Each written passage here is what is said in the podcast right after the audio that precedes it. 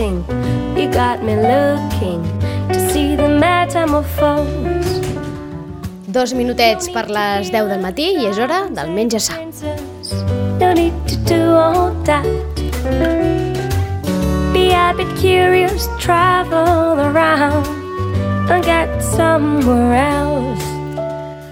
Un espai que dediquem a l'alimentació saludable, als hàbits saludables i que fem amb Jaume Jiménez aquesta temporada. Molt bon dia, Jaume, i molt bon any. Hola, bon dia, bon any a tots. Tot, tot arrencat bé? Sí, hem arrencat bé. Bueno, hem tingut una mica de tot, eh, que sí, gastroenteritis, refredats, de tot una mica, però ja estem bé, estem bé, preparats. Perfecte, doncs amb força i energia, amb la que intentarem també eh, arrencar aquesta secció, que avui, clar, el tema després de Nadal eh, acostuma a ser sempre, els temes acostumen a ser sempre relacionats amb les dietes, però avui, a més a més, eh, l'objectiu una mica d'aquest espai entenc que és també alertar i posar en, en, en avís o preavís d'alguna manera a, als oients, perquè quan passa el Nadal ja sabem que molts ens espantem, mirem, ens pesem i diem, ostres, m'he passat, aleshores venen els remordiments, és que no tindria que haver menjat tants polvorons, tants torrons, que si el panetone, perquè clar, és que cada any tenim eh, més coses, i eh, en Jaume eh, justament eh, va fer un parell de post o de, de tuits que em van fer gràcia i vaig dir, home, doncs els agafarem com a inici de l'espai i deien Si vas a empezar un plan de alimentación que sea saludable y que no te engañen con ayunos, detox, ketos, batidos, etc. Per tant, mm, Jaume, d'entrada, quan acaba el Nadal, la majoria caiem en, aquestes, en aquests grans titulars de detox postnavideño, eh, una dieta de tres días y desintoxica tu cuerpo, ¿no? ¿Hoy? Sí, a veure, és, és normal. Al, a, a consulta ho veiem, no? És molt cíclic.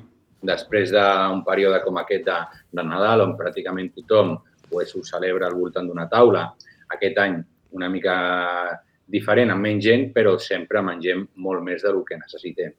Llavors, molta gent, doncs, evidentment, guanya pes perquè són productes més calòrics, més sucre, més greix, més alcohol, i, bueno, doncs, com el, amb el començament de l'any doncs, comencen els eh, propòsits, doncs un dels propòsits més eh, recurrents és eh, eh, perdre pes. Llavors, què passa? Que la gent eh, vol perdre pes eh, molt ràpid i no té en compte que aquest guany de pes ha sigut bastant progressiu. Jo sempre consulta dic, no, és que vull perdre 15 quilos en, en 3 mesos. Bueno, però quan, quan has trigat a guanyar aquests 15 quilos? No? Clar, no, home, jo he guanyat pues, en 4 o 5 anys. Home, clar, si guanyes 15 quilos en 4 o 5 anys, voler perdre'ls en 3 mesos, ja per lògica no quadra.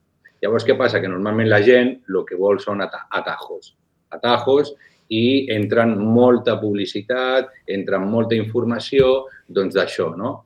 De dietes detox, dieta cetogènica, dieta sin hidrato, dieta de la pinya, Clar, sopa, sopa I- que m'agrassa... I aquestes dietes, eh, entenc, i ja ens ho vas comentar tu en el seu moment, eh, que no és que siguin eh, eh, que estiguin malament, però no són aptes per tothom, ni per qualsevol, ni en tot moment. És a dir, el que li ha funcionat bé a una persona no necessàriament li ha de funcionar bé l'altra, perquè cadascú té uns hàbits diferents, entenc, i un ritme de vida diferent, i menja diferent, també. Per tant, eh, clar, entenc que el perill moltes vegades d'aquestes propostes és que generalitzen o fan una proposta general eh, per tothom i, i, i, i són, estem parlant de, de, entenc, de, de temes que requereixen de personalització. Evidentment. O sigui, la pauta alimentària ha de ser absolutament personalitzada. El que passa que sí que és veritat que tot que hi ha dietes que poden anar bé per una gent i no per altres, el que en aquesta època de l'any tenim que tenir molt clar és eh, evitar les dietes miracle. Això sí que és molt important perquè predominen molt. Hi ha dietes que poden tenir característiques diferents, com ja vam parlar, del dejú i tal, que en determinades situacions podrien anar bé, no, no per tothom i no per totes les, per tots les, els motius, però sí que és important detectar, identificar una dieta miracle i no caure amb aquest parany. Llavors, jo, si tenim temps, he portat un decàleg, no? un, un petit qüestionari, que si ens proposen una dieta, tenim que fer-nos aquestes preguntes que, si, que jo diré. Si quantes més sí surtin a les preguntes, doncs estem davant d'una dieta mirac miracle i tenim que prescindir d'elles, d'acord? D'acord, doncs vinga endavant, em sembla molt bona idea. Anem a per aquest, a per aquest decàleg, cap a aquestes preguntes, ja ho saben, eh, el que ha dit el Jaume. Si la resposta que fan vostès a aquesta pregunta és afirmativa, és un sí, quantes més, quants més sís hi hagi, quants més sís hi hagi, més afirmacions hi hagi, més evident serà que aquella dieta que us estan proposant és una dieta miracle i, per tant, allunyem-nos-a. Exacte. De fet, amb un sí ja podríem sospitar. Amb dos sís ja podríem dir que mm, segurament és fins i tot il·legal. I si tenim més de tres sís, segurament ja posarà en greu risc la nostra salut. Compte, eh? Que és el que, eh, que intentem també amb aquest espai moltes vegades, eh? Que no es tracta només de, de, eh, de donar consell, no sé què, sinó de- d'alertar. És a dir, estem parlant de la salut. És a dir, no només, no és un tema estètic. Sabem que després dels Nadals eh, moltes vegades eh, deixem de pensar tant en la salut i mirem més per un tema estètic, doncs perquè ara no m'apre- m'apreten els pantalons, etc. És més un tema de que ens mirem al mirall. Però darrere d'això hi ha salut. I compte que amb les dietes, amb aquestes dietes miracle, que de vegades són molt restringents i tenen mil des, moltes eh, eh, doncs això, doncs, indicacions eh, molt restrictives i, i, i molt estranyes, el que estem fent és afectant a la nostra salut, al nostre sistema digestiu, al nostre sistema immunològic, etc. Per tant, compte que no, que no és una broma. Vinga, anem cap al decàleg. Correcte. Molt bé. Doncs mira, la primera, si promet resultats ràpids, ja tenim que desconfiar. Clar, això ja malament, perquè és el que busquem, no? És a dir, d'entrada l'objectiu l'objectiu el tenim equivocat d'entrada. És a dir, l'objectiu no pot ser ràpid, no? Sí, molt bé. La segona, eh, promet resultats meravellosos o màgics a, amb algun tipus d'ingredient secret, amb algun producte específic que té aquesta dieta que el fa eh, que utilitzi molt més el cos els greixos com a font d'energia. D'acord? Mhm. Si li promet alguna, algun, alguna propietat miraculosa, algun component, desconfia. Exacte, eh? N'hi ha algunes que, per exemple, et diuen que has de prendre no sé quina sal, una, una sal que jo crec que és una sal normal i corrent, no ho sé. És una ja. sal que et, ve, que et venen, eh, no sé, a preu d'or, a més a més, i cada dia has de menjar un grapadet d'aquesta sal i es veu que si menges aquesta sal, escolta'm, eh, el teu cos fa meravelles. No, desconfiem d'això, eh? Però és, eh? Ho has sentit, eh, Jaume, això de la sal?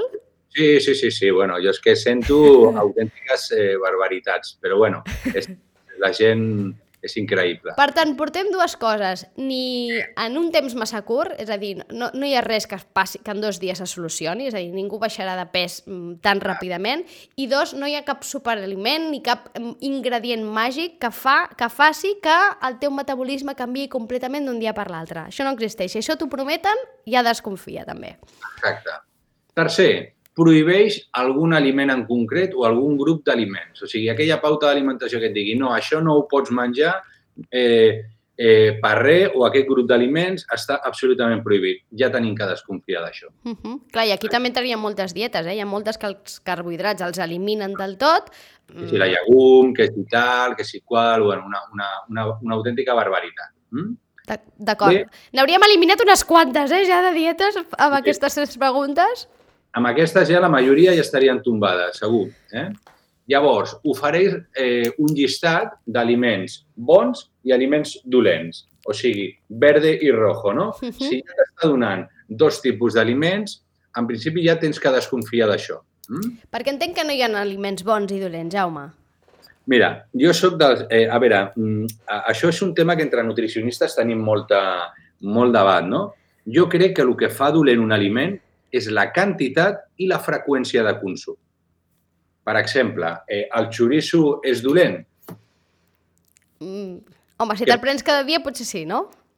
Home, clar, si el xoriço fos, tan dolent, als pobles d'Espanya no, hi, no hi hauria ningú, perquè abans la gent menjava, eh, eh, mataven el porc i menjaven sí. els embotits i, i vivien i eren hiverns molt durs. Què passa?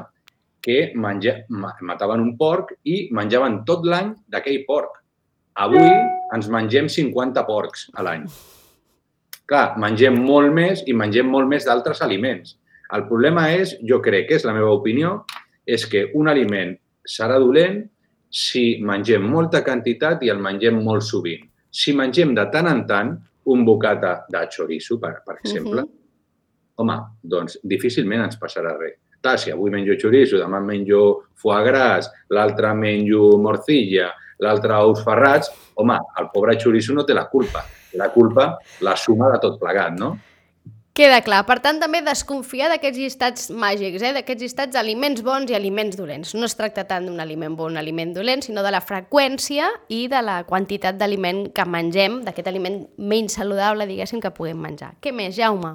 Exacte, aquest és un clàssic també eh, bueno, pues presenta la dieta testimonis, eh, eh, una foto del antes i del després, no? Si, si ja presenta testimonis que diu que jo amb aquesta dieta he perdut 50 quilos, eh, molt fàcil, ja tenim que desconfiar d'aquesta dieta.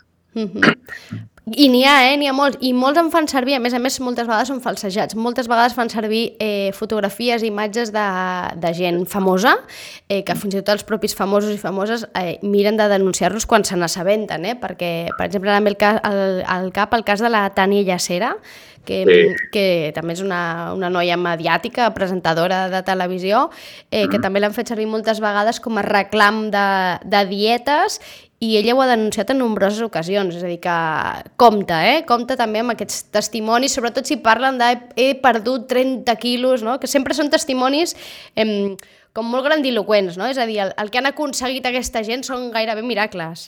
I sempre va amb algun producte afegit, eh? Uh -huh. o sigui, no és només el testimoni, sinó que con esto no? ha, perdit, ha, ha perdut el pes amb això.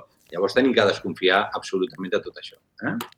Després, la següent és aquella pauta d'alimentació que es pot fer sense visitar a cap professional sanitari. No? Dieta molt fàcil, eh, descarga-te-la, comienza ara, tot aquest tipus de missatges, no? sense la supervisió d'un professional sanitari, també tenim que desconfiar bastant. Mm -hmm. mm? D'aquestes n'hi ha moltes per Instagram, eh? Mm, sí. nutricionistes o suposats nutricionistes mm. eh, que també et prometen i et fan, diuen que et fan la teva dieta personalitzada, et, fa, et demanen el, les teves mides, el teu pes i també una dieta que diuen que és personalitzada però probablement serà la mateixa que li han enviat a la persona que abans ha preguntat. A milers de persones. Mm -hmm. Molt bé. Després, eh, també que la dieta o el plantejament per, per fer aquest, aquesta pauta d'alimentació inclou algun component que pot tenir algun efecte, però li eh, augmenten els efectes. Per exemple, que eh, has de prendre aquestes perles d'omega-3, eh, no? que les perles d'omega-3 poden tenir algun efecte positiu per la salut, però ho fiquen, no? mobilitza els greixos, ajuda a cremar més greix o eh, aquest batut proteic eh, et treu la gana. Eh, sempre que eh, enfatitzin amb algun tipus de suplement que habitualment comercialitza la persona que t'està venent aquesta dieta, ja tenim que desconfiar també. Clar, de fet això és fàcil, eh? perquè normalment, a més a més, el que dius, et, et venen un producte que ha de ser aquell producte que ells venen, que, és a dir, no el pots trobar cap altre lloc, eh? No et diuen, has de comprar aquest tipus de suplement que el pots trobar a qualsevol lloc. Diu, no, has de comprar el meu perquè el meu té un ingredient màgic, no? I, per tant, això ja ens hauria de... Hem Mira, eliminat moltes dietes, eh, Jaume? No sé si en sobreviu alguna. I habitualment mires, mires, la, mires els ingredients i és un producte absolutament eh, eh, normal, mm. eh, evidentment eh, perjudicial la majoria, però sense cap mena d'ingredient miraculós. Això és una, una, és una mentida, mm. absolutament. Mm. Després, eh, aquesta gent que inclou eh, el concepte natural, no? O sigui, que amb productes naturals, eh, esto és natural, no hace daño... Jo amb això de natural vull fer una puntualització i és que la majoria, la gran majoria de verins que existeixen al món tenen una font natural, tenen una font vegetal. O sigui que cuidado que la gent diu no, esto es natural, esto no hace nada. Bueno, cuidado, eh? perquè amb algo natural eh, et pot fallar el fetge, el ronyó, o sigui, la, la, la, a, a l'antiguitat s'ha enverinat moltíssim amb, amb, amb productes absolutament naturals que es poden trobar avui dia i que alguns d'aquests productes porten en petites dosis. O sigui que cuidado, cuidado amb lo natural. Eh? Per tant, natural no equival a saludable, eh? Compte, compte a, amb aquestes eh, afirmacions que no és el mateix. No, no té necessàriament és quelcom dolent, però no és igual a saludable. Jaume, ens en queda alguna? Sí, ens en queda una, i és que el, aquests preparats que se suposa que ens venen, no? substitutius d'àpats o, o productes quema grassa i tot això, tenen un producte estratosfèricament més alt que un producte amb la mateixa composició que podem trobar en una farmàcia o en una dietètica, no? O sigui, és un negoci absolutament brutal i, per exemple, compres una, una sopa de pollo i resulta que aquella sopa de pollo costa 6 euros i mires la composició i és exactament igual que una, que una sopa de pollastre que pots trobar al supermercat, no? O sigui, li, li donen certes, eh, certs efectes miraculosos et, et cobren un dineral i a sobre la composició és absolutament normal. Mm? Per, per tant, deduïm per aquest decàleg que ens has fet i del que no sé si s'ha salvat cap dieta, molt poquetes, molt poquetes, hem de deduir que darrere hem de pensar que hi ha un negoci. És a dir, i que aquest negoci mm, en molt poques ocasions mira realment per la salut d'aquest pacient, sinó que mira pel negoci, per tant, per vendre un producte, etc etc. N'hi haurà que seran, eh, entenc, eh, que menys perjudicials i d'altres que seran per, fins i tot perilloses, perquè n'hi ha que són fins i tot perilloses, oi, Jaume? Totalment. A veure, hem de tenir en compte que els nutricionistes també vivim d'això. Jo a vegades també, la gent diu, no, és que tu també, clar, jo també visc i jo també tinc pacients que venen a la meva consulta però hi ha una gran diferència. Eh, fem les coses bé amb un preu raonable, que és el que fem els professionals de la salut, i altres fan preus excessivament cars i a sobre posen en risc la teva salut. Amb la qual hem de tenir en compte que si volem eh, fer-ho bé, tenim que demanar assessorament qualificat. Això és el primer, per fer-ho bé i després mantenir-ho en el temps. Jo sempre dic que perdre pes és molt fàcil, realment és, és molt fàcil perdre pes però mantenir aquest pes que s'ha perdut és realment eh, difícil. Per tant, amb un professional tindrem moltes més probabilitats d'èxit. Uh -huh. I a més entenc que si un aconsegueix estar en aquesta línia de manteniment, de mantenir el seu pes, fins i tot quan arriben uns Nadals en què tots ens podem accedir una mica, diguem que el resultat no és tan preocupant. És a dir, passats els Nadals, en dos dies a la que tornes d'alguna manera a la teva rutina alimentària, tornes a estar en el teu pes i no calen, entenc, doncs, aquestes restriccions, aquestes dietes de caram, ara haig de perdre aquest pes. Entenc que, que, que l'objectiu és aquest, no? És a dir, que, que la teva vida ja sigui més regular eh, pel que fa a, a, a pes, no? És a dir, que no hi hagi tants canvis, tantes pujades i tantes baixades. Absolutament. De fet, està demostrat que quan una persona eh, està, doncs, per exemple, eh, Nochebuena, Nadal, Sant Esteve, no? que són tres dies una sí. mica més i tal, eh, que la gent es posa un o dos quilos per sobre, no? I diu, hosti, he guanyat dos quilos només he fet tres àpats, no? Està demostrat, s'ha analitzat, que el 80% d'aquest guany de pes no és greix. Es menja amb més sal. Per tant, eh, retenim més líquid. Aquí ja hi ha un guany de pes que és aigua. Quan deixem la sal, la perdrem. Emmagatzemem, emmagatzem més carbohidrat perquè mengem més carbohidrat. La retenció d'hidrat de, de carboni en el cos suposa una retenció d'aigua, d'acord? Per tant, estem augmentant aigua.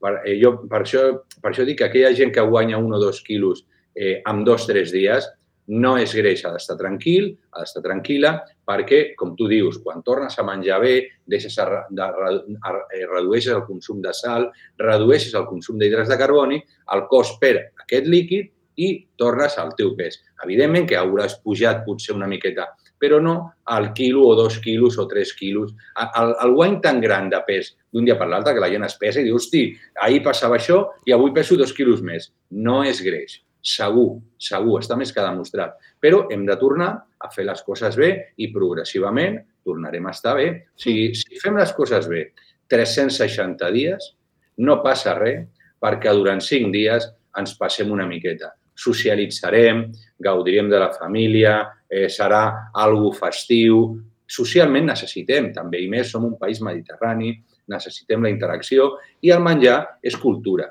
d'acord? Però si durant 360 dies ho fem bé, escolta, gaudim del Nadal i ja farem bé la resta. Ja farem. Per tant, i està bé perquè així vivim sense remordiments, que està molt bé. Per tant, si algú ara necessita o considera que ha de perdre pes, eh, un pes important, la recomanació és que vagi a veure un professional. De la mateixa manera que si ens fa mal al cap anem al metge o si ens fa mal al queixal anem al dentista. Anem a veure un professional. Fins i, fins i tot, Jaume, si el pes que hem de perdre és poc, eh? és a dir, si considerem, encara que pensem que hem de perdre 5 quilets, és a dir, que és una cosa que dius, bueno, això ho faig a casa, em trec dues coses, ho faig a casa. Millor sempre acompanyat d'un professional. L'entenc perquè garantiràs que això sigui realment efectiu, que, siguin, que perdis el pes i que el puguis mantenir en el temps i que agafis aquests hàbits saludables que al final és el que compta. Sobretot es farà una, es farà una valoració de què és el que ha de baixar aquesta persona i a partir d'aquí el que hem d'assegurar és que el percentatge més alt d'aquest pes sigui greix, perquè moltes vegades la gent eh, perd pes i el que perd és una part de múscul molt important. Llavors, aquí tenim l'efecte yo-yo, que és molt habitual. Per tant, hem de garantir que si jo vaig a perdre pes, encara que siguin 5 quilos, d'aquests 5 quilos, la gran majoria sigui greix, perquè d'aquesta manera jo els mantindré, mantindré aquesta pèrdua de pes d'una manera més eficaç durant molt més temps. Perquè més el múscul el necessitem, eh? I, quan som, I a mesura que ens fem grans, millor. Un dia parlarem també d'això, eh? De, del tema de la musculatura. Jaume, moltíssimes gràcies. A vosaltres i bon any. Igualment, ens veiem en unes setmanes. Molt bé, ciao. Adeu.